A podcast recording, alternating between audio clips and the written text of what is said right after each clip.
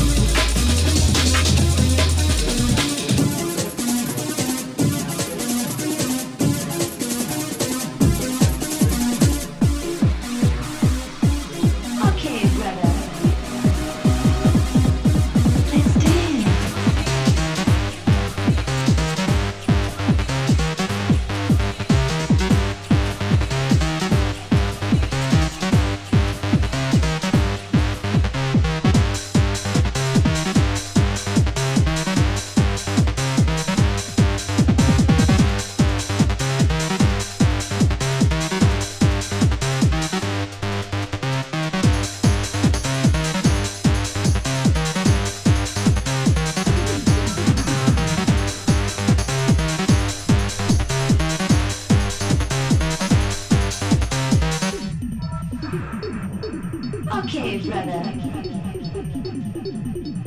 Let's see.